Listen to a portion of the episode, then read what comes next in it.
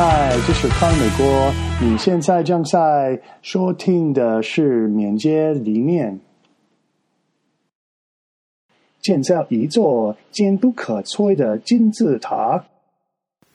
要有持续的自动化测试，有一种方法就是你需要两个层次的测试：宏观测试和微观测试。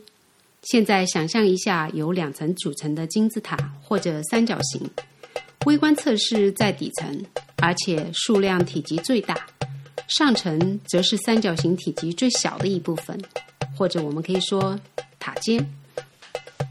宏观测试在测试数量上很少，它需要部署应用程序的部分或全部。它是一种功能性的测试，用来查看这个功能是否是客户所预期的。微观测试是一种单元化测试。用来检测代码的运行是否是开发商预期的。跟踪测试金字塔几何，因为微观测试是一种高价值而低成本的测试，所以我们能够建立并维护成千上万的微观测试。宏观测试虽然也具有很高的价值，但成本也很高。当我们在建立宏观测试的时候，我们需要确认我们用对了方法。